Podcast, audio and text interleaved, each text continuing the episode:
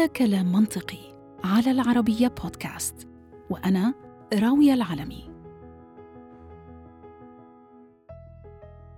حلقتنا اليوم عن حلم قديم جديد. فكرة داعبت خيال المفكرين والكتاب والمثقفين والثوريين بكل مكان بالعالم. كيف بنخلق ونعيش في المدينة الفاضلة؟ المدينة اللي ما فيها فقر وبالنتيجة ما فيها قهر ولا جهل ولا ذل ولا مرض ولا ولا ولا. باعتقادي أنه الحالم الأول كان الإنجليزي السير توماس مور مؤلف اليوتوبيا وهي قصة خيالية فلسفية نشرت باللغة اللاتينية في القرن السادس عشر. في حينها اخترع السير توماس هاي التسمية واللي لو ترجمناها للعربية فرح تكون الطوبوية من الطوبة. وهي من نوادر الجموع لكلمة طيب وتعني السعادة والخير والحظ. والتسميتين باللغتين يراد بها معنى إلا مكان. غالباً للتوضيح بعدم وجود هذا المكان حقيقة أصلاً وبتروي هاي القصة التقاليد السياسية والأعراف الدينية والاجتماعية لجزيرة معزولة وغير معروفة وعاصمة شبحية ونهر لكنه بلا ماء. وإلها أمير بلا شعب والشعب عبارة عن مواطنين بدون مدينة. وبذلك بتكون صورة المجتمع أو الدولة اللي تخيلوا مور من هذا المنظور المعكوس. الهدف منه كان إدانة شرعية العالم الصحيح الواقعي المتخبط والغير متوازن واللي بتنقصه العدالة والمساواة المجتمعية واعتبر أنه هذا الخلل أساس الشرور في العالم. الموضوع ما توقف عند مور. ولكن هاي الفكرة تم مناقشتها والكتابة عنها من قبل الكثير من المفكرين أبرزهم الإسباني خوان لويس فيفاس في نفس الفترة.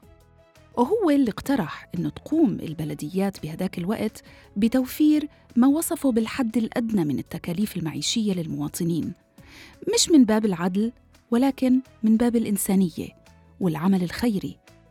وبعد مور وفيفاس جاء الكثير من أمثال توماس باين وبرتراند راسل وصولاً للتاريخ الحديث ومنتصف القرن العشرين تحديداً في عام 1960 والرئيس الأمريكي آنذاك ليندون جونسون واللي أعلن الحرب على الفقر وآمن بتوسيع دور ومسؤولية الحكومة الفيدرالية لتشمل قطاعي التعليم والصحة للقضاء على الفقر.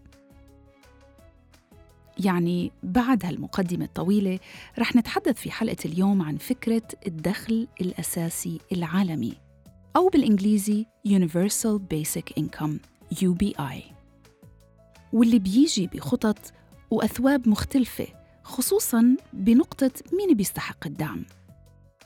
بعض التجارب في بعض الدول أقرت الدفع لكافة مواطنيها بغض النظر عن قيمة دخلهم سواء عالي أو منخفض.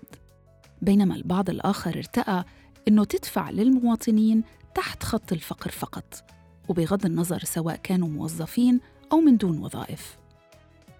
الدكتور زياد داوود كبير الاقتصاديين في الأسواق الناشئة في مؤسسة بلومبرج رح يساعدنا لحتى نفهم هاي الفكرة فكرة الدخل الأساسي العالمي أو Universal Basic Income UBI مفهوم ال UBI بيرتكز على النقطة الأولى هي فكرة أنه بيحصل الجميع جميع سكان بلد ما على الحد الأدنى من الأجر اللي بيلبي وبيغطي حاجاتهم الأساسية واللي بيضمن إبقائهم فوق خط الفقر بغض النظر عما إذا كانوا بيشتغلوا أو ما بيشتغلوا. النقطة الثانية إنه هاي الفكرة بدت من زمن طويل لأسباب عدة بعضها بيشبه السيناريو اللي منواجهه في هاي الأيام. ففي القرن الثامن عشر مثلاً وبعد الثورة الصناعية وإحلال الماكينات مكان الأشخاص بدأت تداعيات هاي النقلة بتظهر في قالب البطالة للكثير من السكان. تماماً زي اللي بيصير هلأ مع الثورة التكنولوجية الكبيرة واللي أدت لإجلاس كتير من الناس في بيوتها لتحل التكنولوجيات والروبوتات محلنا مما يمكن يعرضنا جميعا للفقر بدون وجود آلية معينة رح تعيننا لحين إيجاد حل معقول لهي المعضلة والنقطة الثالثة هي أنه العديد من البلدان ولهاي الأسباب تحديداً وعبر السنين قامت بتجارب مختلفة وإن كانت على نطاق ضيق لتجربة الدخل الأساسي العالمي كمبدأ ومحاولة قياس مدى فعاليته في معالجة التحديات الحالية القائمة. لكن شو تعريف اليو بي آي أو الدخل الأساسي العالمي؟ هذا المفهوم معناه هو بمنتهى البساطة أنه الدولة تقوم بتوزيع مبلغ شهري ثابت لكل مواطن هذا المبلغ يكون غير مشروط فكل مواطن أو كل شخص موجود داخل الدولة يحصل على هذا المبلغ بغض النظر عن عمره بغض النظر عن جنسه بغض النظر بغض النظر عما إذا كان يعمل أو لا. هذا المفهوم بدأ يناقش بالإقتصاد العالمي في بلدان متعددة وبدأ أيضا يطرح آه، كشيء قابل للتطبيق في هذه المنطقة.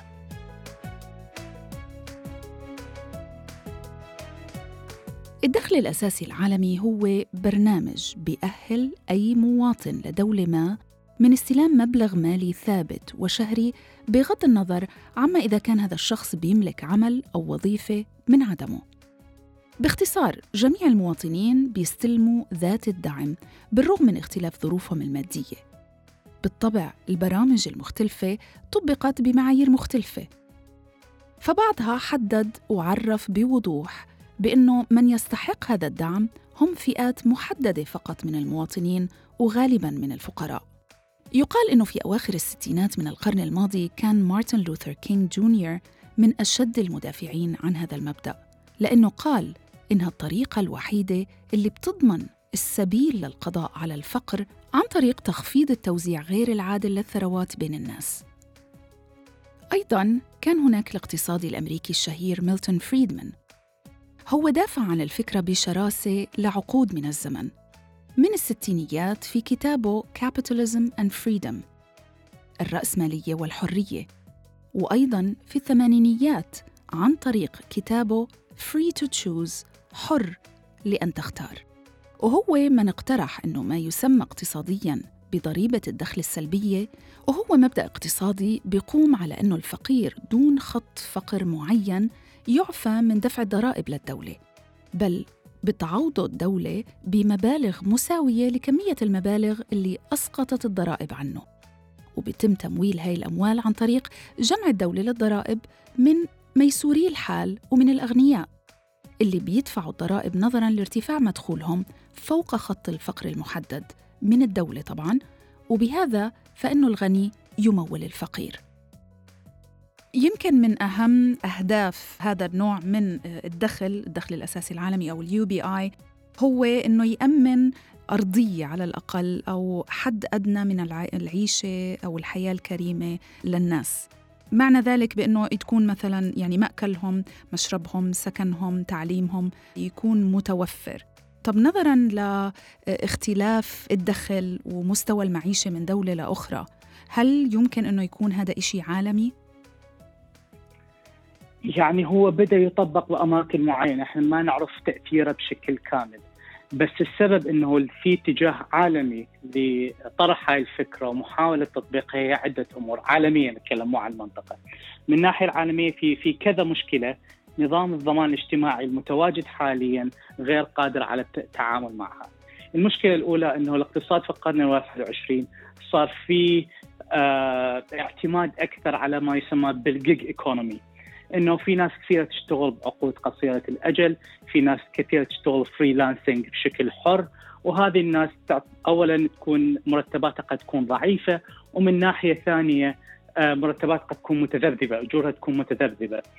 نظام الضمان الاجتماعي الموجود حاليا اللي هو بصفة عامة بالعالم قائم على إعانات البطالة ما يقدر يستوعب هؤلاء الناس.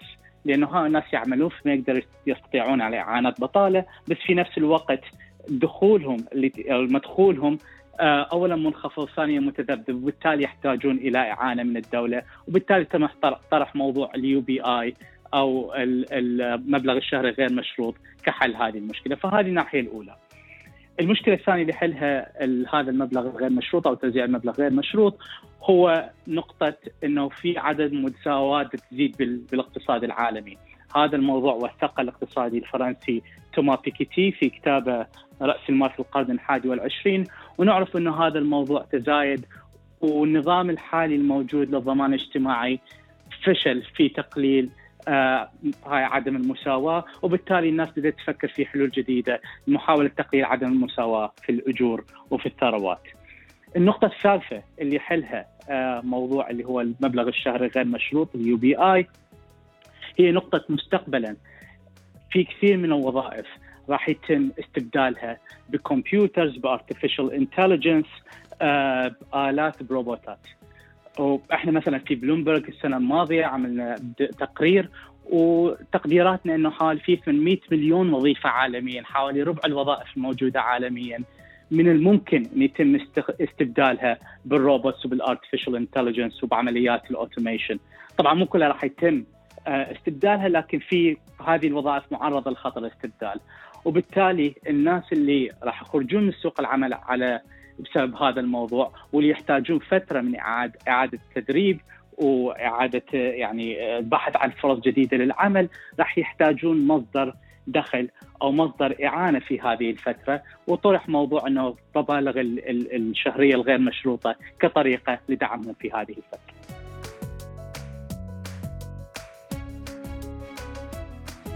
الفكرة بدون شك مثيرة للانتباه والجدل وهو ما بيبرر عدم اختفائها على الرغم من قدمها وعودتها لمئات السنين. لكن أزمة كورونا وتداعياتها مؤخراً دفعت بال UBI للواجهة مرة تانية وبأسماء جديدة بتعبر عن إيمانها بالمبدأ ورهانها على أنه السبيل الوحيد للتخلص من الفقر والتقدم بالبشرية نحو توزيع على الأقل أكثر عدلاً من ما هو موجود منذ الأزل. ويمكن أشهر هاي الأسماء مارك زوكربيرغ مؤسس فيسبوك وإيلون ماسك مؤسس تسلا للسيارات الكهربائية. هدول الشخصين يمكن يكونوا أكثر من يعلم بما تخبئ التكنولوجيا لبني البشر في المستقبل القريب وحتى البعيد. وحجم الوظائف اللي رح تستبدل البشر بالآلات وشو رح يكون مصير الملايين من العاملين الآن؟ لكن يمكن يكونوا على أعتاب خسارة وظائفهم للأبد وشو ممكن تكون التداعيات؟ الاقتصاد والأمن في كل دول العالم وكل ما سبق دفع بكثير من الدول لتجربة الدخل الأساسي العالمي لقياس مدى نجاعة هذا الأسلوب في الحد أو حتى التخلص والتغلب على موجات الفقر اللي إحنا بصدد مواجهتها قريبا بعد انحسار الفيروس. والبدء بإحصاء الخسائر والتداعيات اللي سببها للعالم بشكل عام.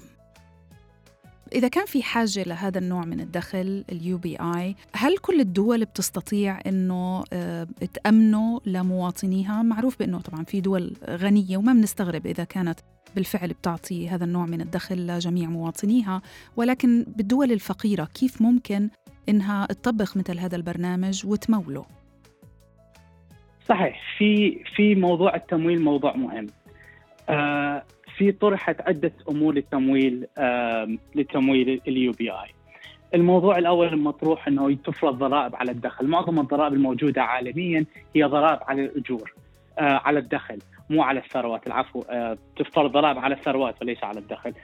آه، لكن في نعرف إحنا عالميا إنه زاد أهمية الثروة على أهمية يعني عدم المساواة الموجودة حاليا بالعالم جزء من عدها إنه العاملين بأجر في عدم مساواة بيناتهم لكن في نقطة ثانية إنه في ناس مصدر دخلها أساسي غير قادم من العمل بأجر لكن قائم من العائد على رأس المال وهذا سبب كبير في عدم المساواة الموجودة عالميا وبالتالي فرض ضرائب على الثروة اللي هي ما موجودة حاليا عالميا قد تساعد في تمويل موضوع ال UBI.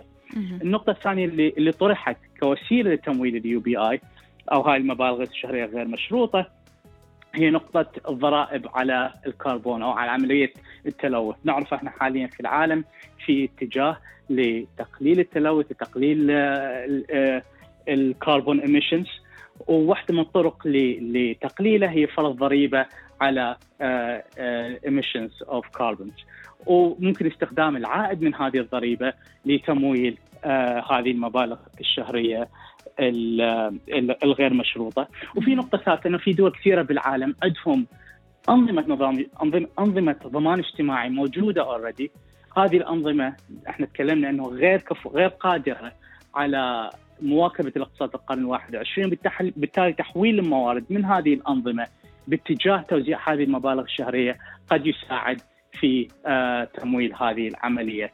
النقطة الرابعة في البلدان الفقيرة، في كثير من البلدان الفقيرة وفي كثير من البلدان حتى في منطقتنا العربية في آه هذه البلدان تنتج آه موارد طبيعية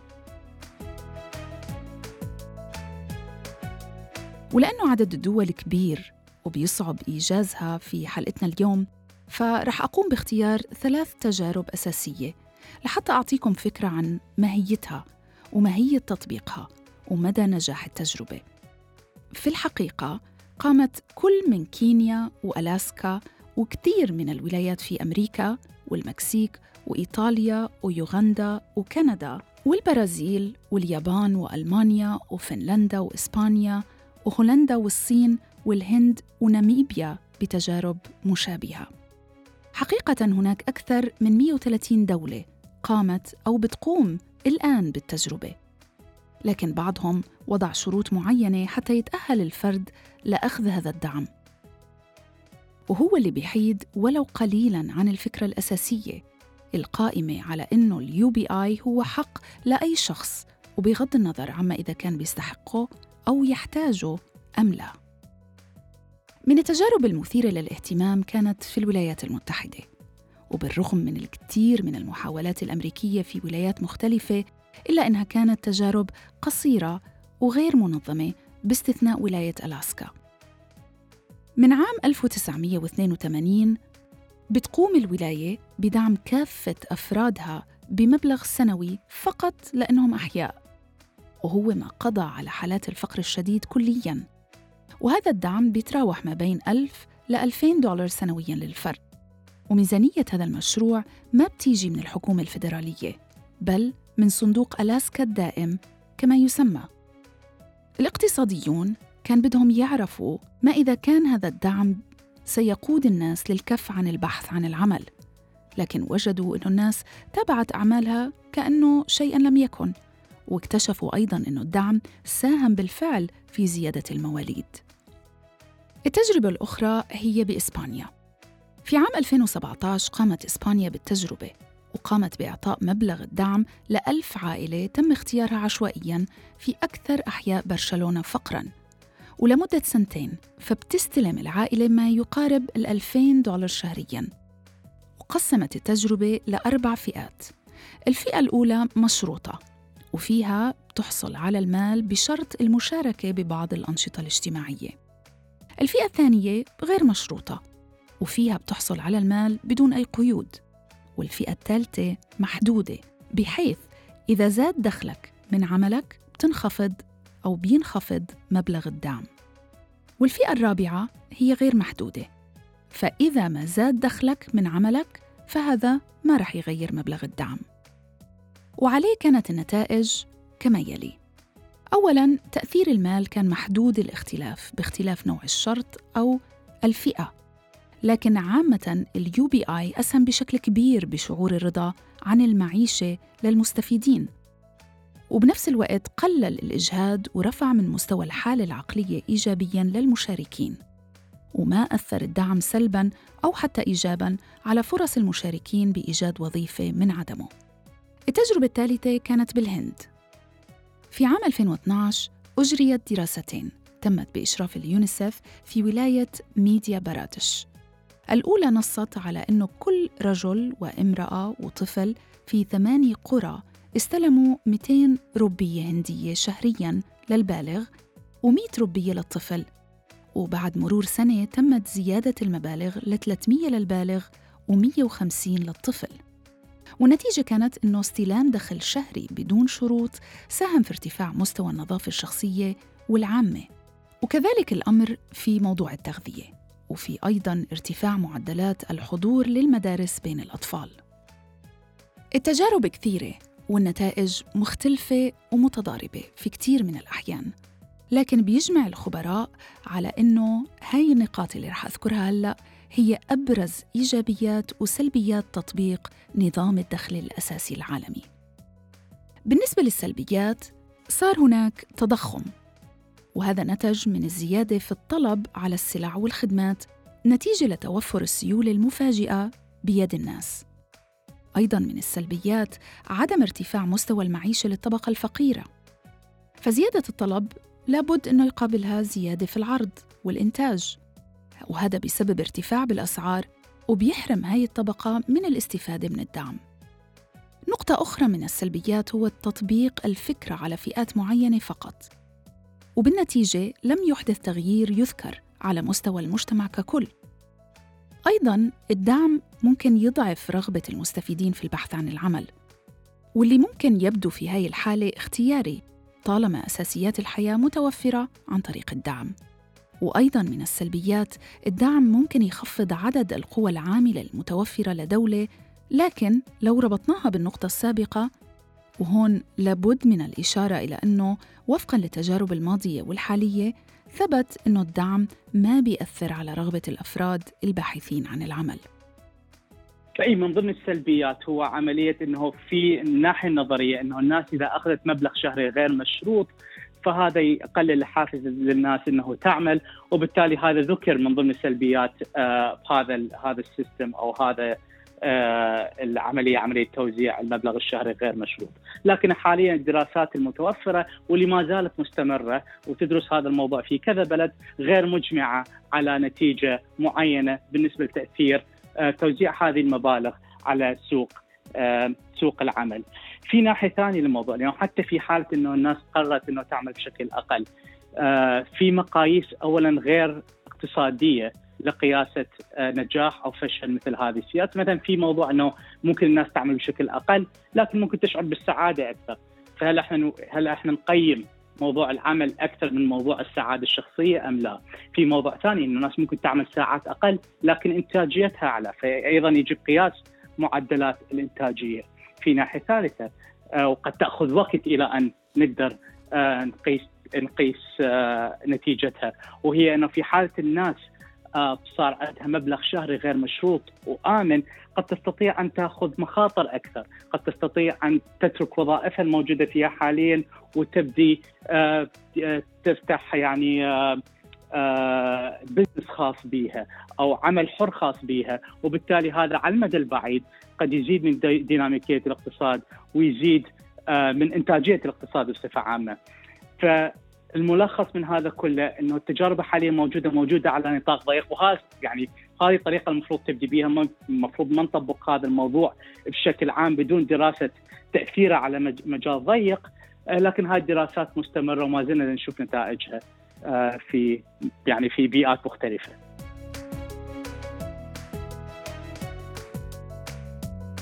أما بالنسبة للإيجابيات فيصبح بمقدور الباحثين عن العمل الانتظار لوظيفة أفضل أو مقابل مادي أعلى وممكن يعطيهم الفرصة لتجديد أو تعلم مهارات أفضل بتتناسب مع الثورة التكنولوجية القادمة من الإيجابيات أيضاً إنه رح يتمكن الأفراد من العودة للدراسة لو أرادوا أو إنهم يبقوا في المنازل للاعتناء بالصغار أو كبار السن في عائلاتهم.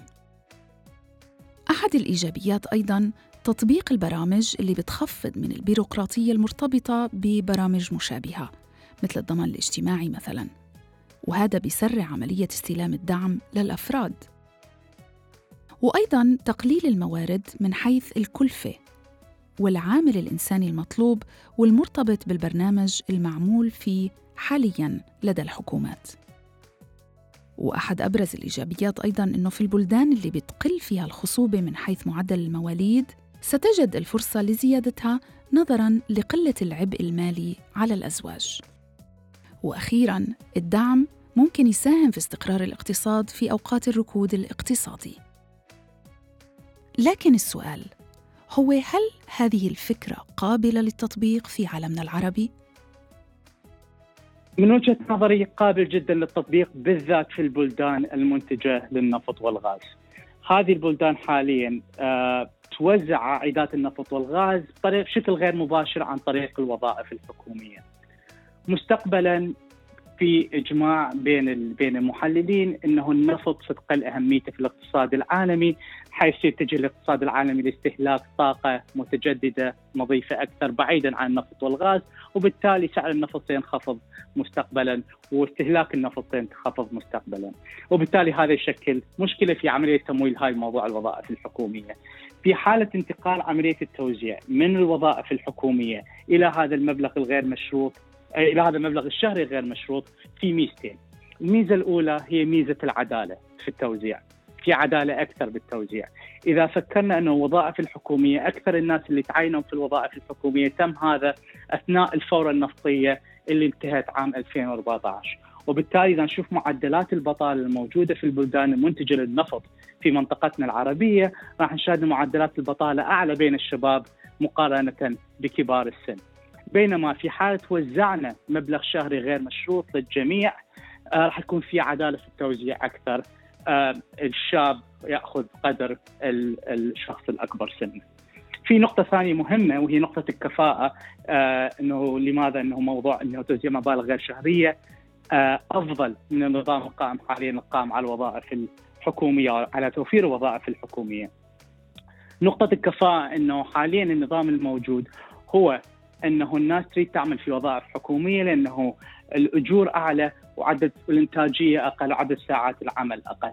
وهذا اللي يسويه أنه يرفع الأجور في القطاع الخاص يرفع أسعار السلع والخدمات المنتجة في المنطقة وبالتالي تقل عملية آه التنافسية أو تقل تنافسية السلع والخدمات الموجودة في المنطقة وبالتالي يتم استيراد بشكل كبير والتصدير يكون ضعيف بعيدا عن المنتجات النفط والغاز. بينما في حالة تم توفير مبلغ شهري لجميع المواطنين مثلا آه هذول المواطنين راح يشجعون يشتغلون بالقطاع الخاص الإنتاجية الأعلى بأجور حتى أقل لأنه هذا الاجر لن يكون الدخل الوحيد اللي يحصل عليه المواطن لكن سيتم أيضا آه إضافة هذا المبلغ الشهري غير مشروط اللي يحصل عليه من الحكومة. وبالتالي بما أنه الشركات راح تدفع اجور أقل ورواتب أقل. راح تقل تكلفة إنتاج السلع والخدمات في المنطقة راح تقل أسعار السلع والخدمات المنتجة في المنطقة وبالتالي راح يزيد استيراد أو راح يزيد تصدير آه، السلع والخدمات الغير نفطية من المنطقة. وهذا التعريف الأساسي لموضوع عملية التنويع الاقتصادي اللي نسمع عنها كثير في هذه المنطقة. نسمع كثير عن عمليات آه، أو عن طموح لتنويع الاقتصاد بعيدا عن النفط والغاز. أعتقد إنه تحويل آه، نظام توزيع الثروة النفطية من آه، الوظائف الحكومية إلى هذا المبلغ الشهري غير مشروط حيساعد في آه، هذه العملية وفي تسريع هذه العملية. في ختام حلقتنا منطقيا ثورة التكنولوجيا وموجة الذكاء الصناعي قادمة لا محالة ولما بيفقد عامل الكاشير مثلا عمله لصالح خدمة الدفع الذاتية أو يستبدل نادل المطعم برجل آلي أو حتى لو أنا فقدت وظيفتي كمذيعة تلفزيونية لصالح برنامج تكنولوجي أو تطبيق أو مذيعة آلية وهي موجودة بالفعل والمحاسب أيضاً مقابل software والمحامي وأساتذة المدارس والكثير الكثير من الوظائف فرح نكون جميعاً بحاجة ماسة لتوفر بديل يعيننا على هاي الفترة الانتقالية. تماماً زي ما حصل في الماضي بعد الثورة الصناعية واللي أخذت عقد من الزمن تقريباً حتى رجع التوازن وتم خلق وظائف جديدة لتعويض الخاسرين. ولكن رح يبقى السؤال الأهم لجميع الدول هو تعريف ما هي الشروط الأساسية لحياة كريمة. وحتى يتم تحديدها ووضع ثمن لها رح نبقى في دوامة الخطر أينما كنا في كوكب الأرض. هذا كلام منطقي على العربية بودكاست. وأنا راوية العلمي. أشكركم ودمتم دائما بأمان بإذن الله.